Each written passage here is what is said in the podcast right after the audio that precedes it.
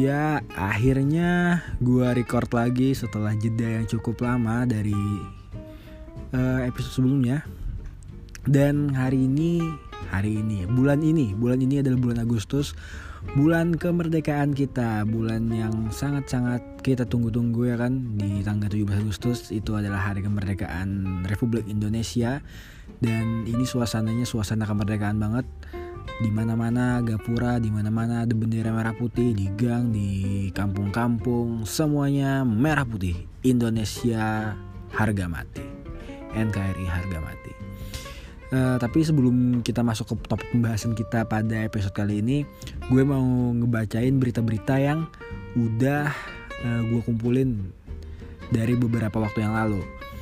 Uh, beberapa waktu yang lalu itu ada sempat viral berita tentang kasus bungkus ya kan? Bungkus fetish bungkus. Gue nggak ngerti juga sih ya, fetish itu kayak gimana ya ampe ya orang dibungkus bikin uh, ngenaikin nafsu birahi gitu. Gak ngerti aja gue cuy. Terus yang yang nyuruh ini cowok yang dibungkus juga cowok. Dan bukannya gue nggak suka ama homoseksual ya gue gak homo gue gak suka juga sih. Cuman gue ya aneh aja gitu petisnya gitu Joy. Yang enggak enggak aja gitu. Dan beralasan kedoknya dengan alasan itu adalah e, riset dia kan tugas kuliah dan segala macam alasannya kan karena itu tugas akhir biar dia cepat lulus. Dan target pasar dia itu anak-anak anak-anak maba cuy. Anak-anak yang baru masuk kuliah gitu ya anak-anak maba kan ya apa yang kata kakak tingkatnya kan apalagi kakak tingkat senior kan yang udah mau lulus ya nurut-nurut aja gitu. Apalagi diminta bantuan kan. Ya ya ya ya aja gitu nggak nggak nggak mikir jernih dan ujung-ujungnya juga dipaksa kan gue lihat beritanya itu gue baca beritanya itu.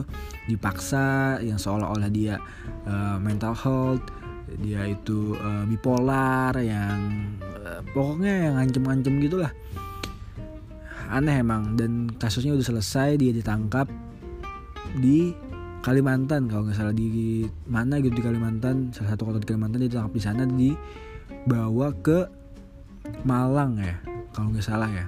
Malang apa Jogja itu gue lupa tuh. Terus ada berita tentang oh ini tadi berita yang agak-agak mungkin memalukan ya. Ini ada berita yang sangat membanggakan. Ada Bigetron juara uh, PUBG Mobile di juara dunia cuy. Bukan juara di Indonesia ya juara dunia PUBG Mobile. Akhirnya juara lagi Indonesia VTR Bigetron. Selamat congratulations. Terus ada juga berita tentang oh ini cuy. Ini lagi hangat-hangat banget cuy.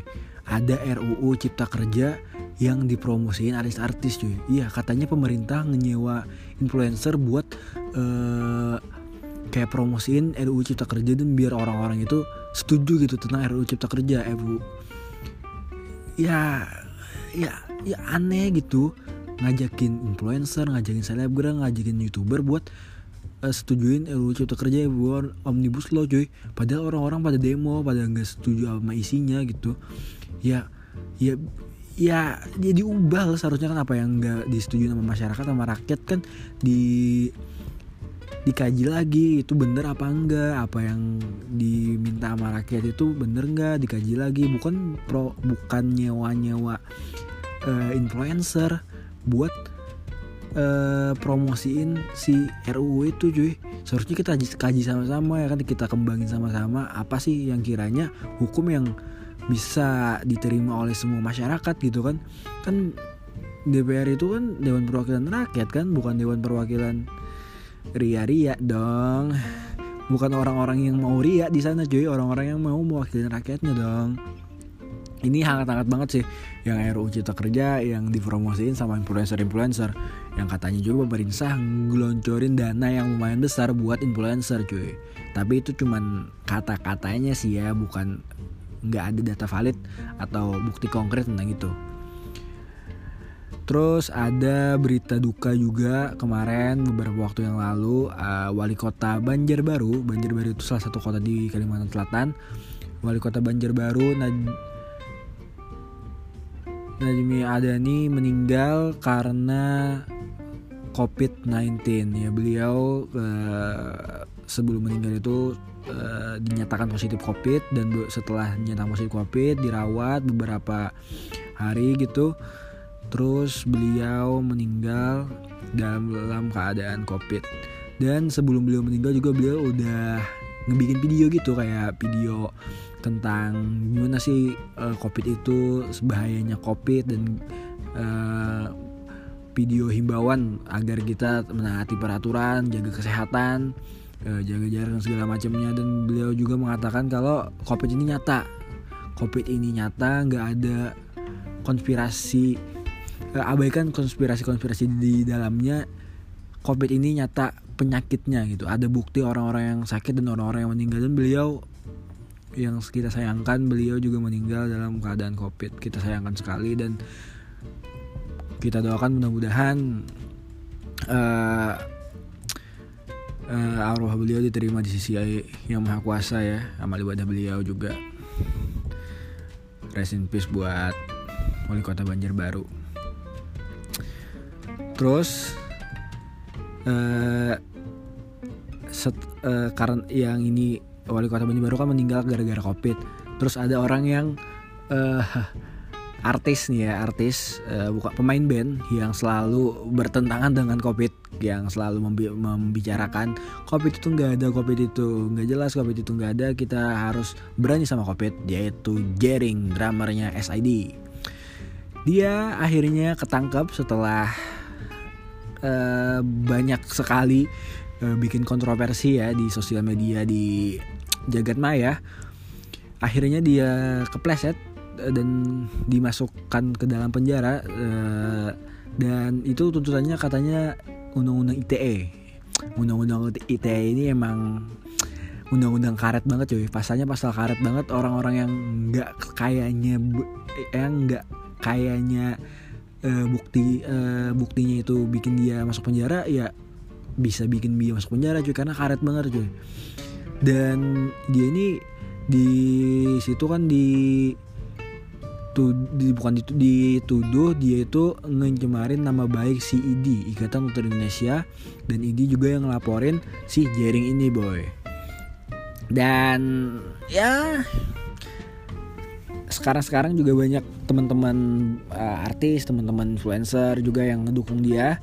Katanya ini nggak se nggak se perlunya seperti itu gitu. Bisa diselesaikan secara keluargaan dan kayaknya banyak yang janggal gitu dari penangkapan Jering ini. Terus berpindah dari Jering ini ada kalian masih ingat kan kasusnya Nopel Baswedan? Kasusnya Nopel Baswedan penyiraman air keras masih ingat? Yang tersangkanya cuma dihukum. Ya bentar banget gitu. Ini ada berita duka dari si jaksa. Jaksa yang memimpin peradilan itu jaksanya meninggal dunia. Jaksanya meninggal dunia setelah ya setelah sidang udah selesai jaksanya meninggal dunia. Nggak tahu juga gue nggak baca beritanya secara detail. Cuman gue cuma baca baca judul beritanya doang. Jaksa jaksa uh, si, persidangan Novel Baswedan meninggal dunia. Dan ya ini juga berita, duka sih ya untuk kita semua.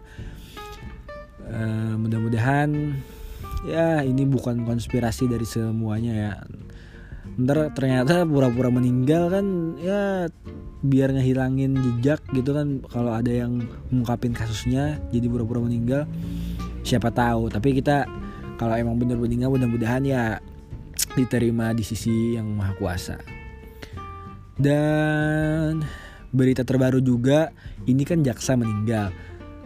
Setelah jaksa ini meninggal ini parah banget sih cuy. Parah banget. Kantor Kejaksaan Agung di Jakarta kebakaran cuy. Kebakar ludes. Gedungnya itu gedung gedung gedung gede cuy. Gedung gede beton semua. Kebakar semua cuy. Gila nggak tuh? Itu itu itu gila cuy kebakar semua itu. Ampe nih ya ampe ampe yang kayak bet kan itu beton ya? Kat beton semen gitu nggak nggak ada yang kayak bahan-bahan uh, bangunan yang mudah terbakar gitu. Tapi semuanya ludes dimakan api cuy ludes kebakar cuy. Dan konspirasi dari ini katanya ada orang yang berniat emang sengaja ngebakar kantor kejaksaan agung itu biar ngehilangin barang bukti persidangan cuy. Entah itu kasus apa kasus apa ya semua kan terkumpul di sana kan barang bukti dan kantornya kejaksaan agungnya hangus ya semua barang bukti hilang cuy. Dan semua orang yang bersalah bisa membela diri dengan alasan mana barang buktinya dong. Dan ya aduh pemerintahan kita pemerintahan kita ini aduh kasus berita-berita yang yang yang yang ya bikin geleng-geleng kepala lah cuy kebakaran ini. Orang jadi bertanya-tanya apakah ada ada ada dalang di balik semua ini kesengajaan dan segala macemnya. Terus oh ya terus ada nih berita uh, tentang pengumuman seleksi bersama masuk perguruan tinggi negeri atau SBMPTN kemarin yang udah diumumin ya mungkin ini ucapan aja buat kalian-kalian yang lolos yang lulus di PTN atau perguruan tinggi negeri yang kalian tuju selamat dan bagi kalian yang belum masuk atau nggak lulus, masih ada jalur mandiri. Meskipun kalian tidak punya uang, mandiri tidak apa-apa. Ya mandiri, jalur mandiri sekarang parah cuy. Harus punya banyak uang cuy.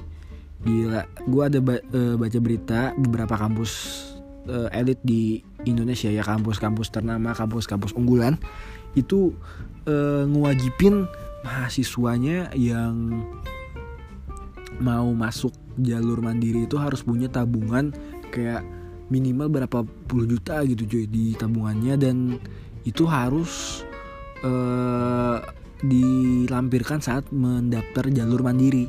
Itu ngebuktiin kalau dia itu sanggup uh, bayar biaya kuliah selama 8 semester dengan ngelampirin tabungan dengan jumlah minimal berapa puluh juta gitu. Dan gila sih cuy itu. Apalagi kan kampus-kampus kayak kampus-kampus elit-elit dan kampus-kampus yang kayak UI, UGM, ITB yang favorit-favorit orang itu itu sih cuy yang jalur mandirinya parah banget dan itu alasan mereka katanya itu subsidi silang bagi mereka-mereka yang uh, eh, UKT atau biaya kuliahnya yang enggak terlalu mahal. Jadi orang-orang yang bayar UKT-nya mahal itu tutupin bagi mereka-mereka yang UKT-nya gratis atau UKT-nya yang nggak terlalu mahal katanya. Dan itu berita-beritanya, aduh ini berita-beritanya udah lumayan banyak ya yang gue bacain karena udah lama nggak uh, ngepodcast ini.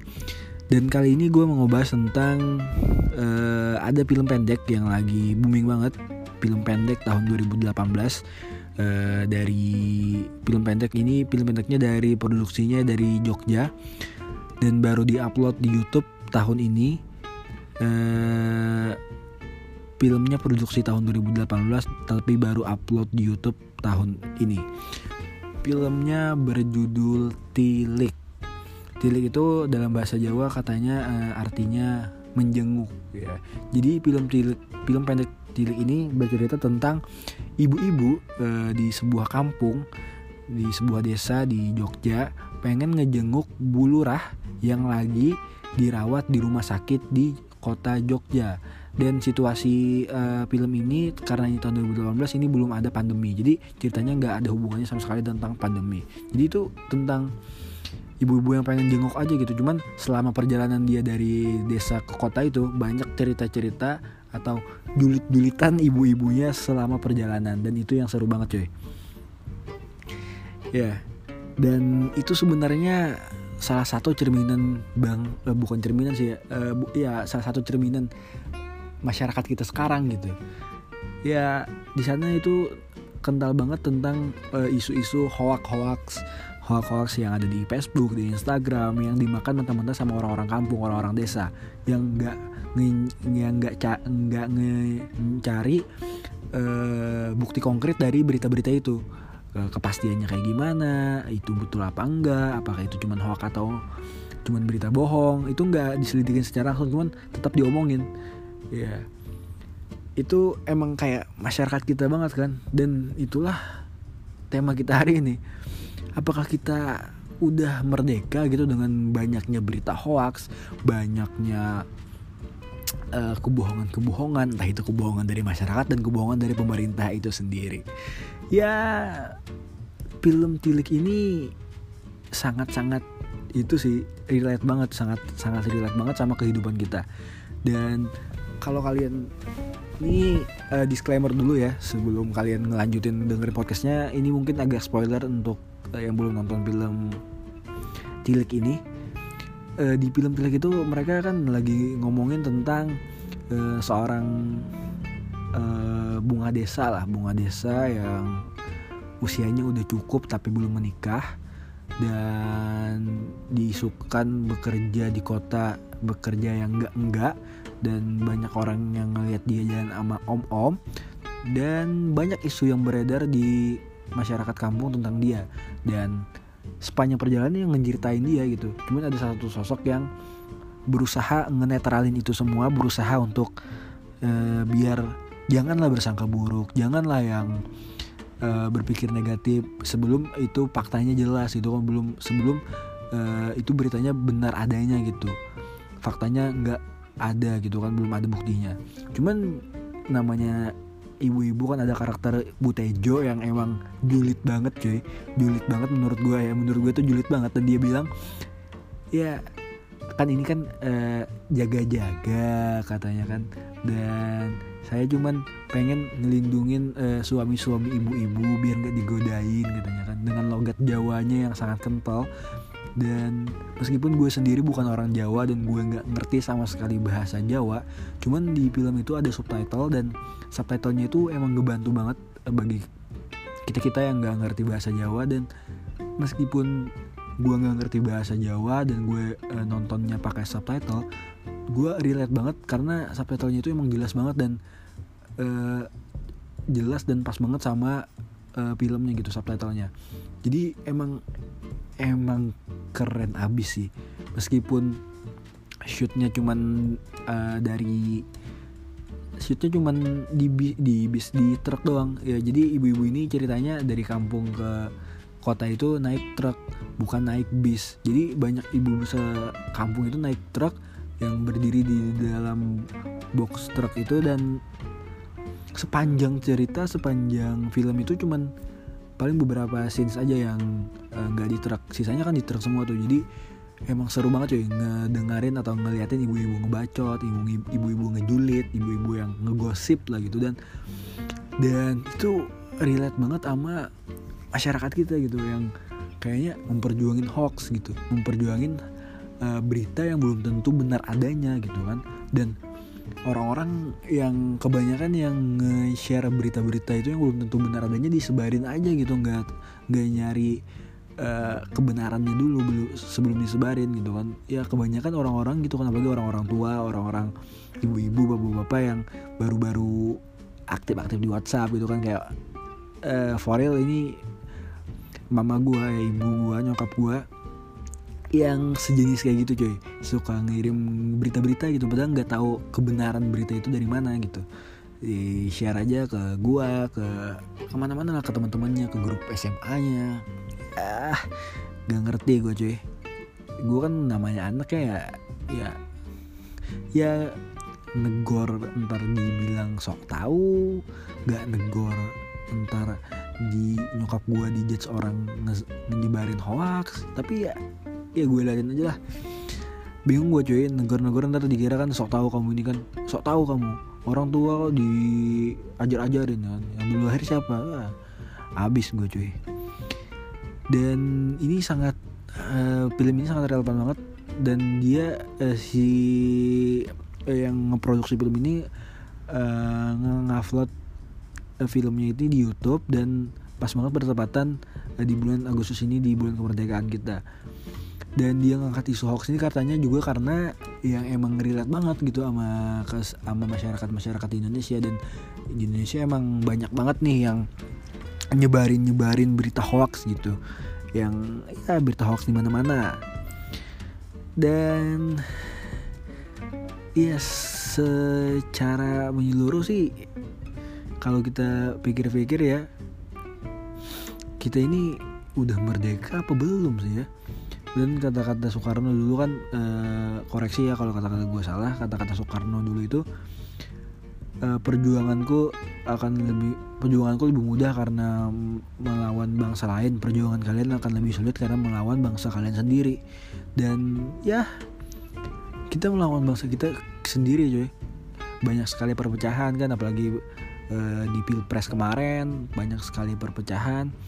Dan sekarang juga covid gini kan ada yang setuju ada yang pro ada yang enggak banyak juga yang setuju banyak yang enggak katanya covid ini uh, konspirasi dan hoax juga muncul perpecahan gara-gara itu. Cuman sekali lagi gue bilang ke kalian semua ya ini ini nyata cuy. Ini nyata ini covid ini nyata banyak uh, pejabat-pejabat juga yang positif covid dan nggak satu dua orang yang meninggal gara-gara itu ya kita harus jaga lah jaga jaga diri kita dari covid itu dan beberapa waktu belakangan ini juga orang-orang jadinya kayak turun gitu cuy turun gitu pengawasan tentang covidnya. Jadi orang uh, berkeliaran ke sana kemari tanpa masker juga nggak masalah. Cuman sekarang sih udah mulai ketat ya karena ada di beberapa daerah ada berlakuan denda kalau nggak pakai masker. Cuman meskipun denda nggak pakai masker ya orang-orang tetap keluar rumah cuy. Keluar rumah tetap jalan-jalan tetap rame mall-mall tetap rame pasar-pasar tetap rame kayak nggak ada takutnya sama covid gitu. Padahal awal-awal covid uh, diumumin di Indonesia kan orang pada parnoan tuh orang pada parno orang pada takut pada nggak mau keluar rumah. Dan akhirnya setelah empat bulan kita disuruh diisolasi di rumah akhirnya kita udah capek udah bosen dan akhirnya kita keluar tanpa memperdulikan lagi covid itu tetap ada. Sayang sekali cuy. Sayang sekali. Dan apakah apakah itu juga uh, salah satu uh, salah satu alasan warga kita kan ah kita kan sudah merdeka. Kita kan harus uh, ngebebasin orang untuk ke mana-mana. Kita nggak boleh ngelanggar hak nggak boleh ngelanggar ham ha, uh, orang-orang. Ya alasan lah ya kan. Alasan orang-orang yang pengen keluar rumah aja cuy. Padahal kita tetap harus waspada gitu. Meskipun kita ha, meskipun kita harus keluar rumah ya tetap jaga lah jaga kebersihan jaga kontak fisik dengan orang. Jaga jaga aja gitu. Jangan sampai kayak ada berita tuh yang di Jawa Timur apa di mana itu di pokoknya Pulau Jawa uh, ada sekolah yang uh, akhirnya ngizinin siswa-siswanya uh, hadir ke sekolah lagi dan akibatnya di sana banyak banget terpapar covid gara-gara sekolah itu dibuka kembali. Padahal niatnya kan bagus biar siswa-siswa biar bisa belajar kembali di sekolah kan karena pembelajaran di rumah nggak terlalu efektif dan dan dan akhirnya dites di sana orang-orang swab rapid test dan banyak banget yang kena covid katanya di sana sangat menyayangkan sekali kan karena uh, awalnya orang pengen menuntut ilmu dan akhirnya berakhir dengan positif. Sayang sekali cuy. Sayang sekali. Uh, mungkin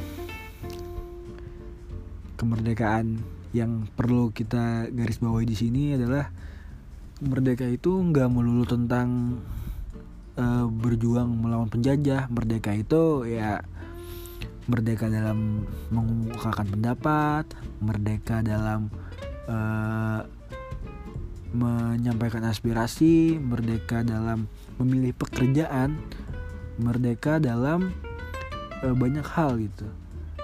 Dan merdeka dalam berita merdeka di mana kita udah merdeka itu kalau kita udah nggak ada lagi berita-berita hoax, berita-berita bohong, entah itu berita dari kita sendiri atau dari pemerintah kita. Hah, mungkin gitu aja dulu podcast kita hari ini. Dan jangan lupa untuk dengerin podcast-podcast gue di episode-episode sebelumnya. Dan sampai ketemu di episode berikutnya. Bye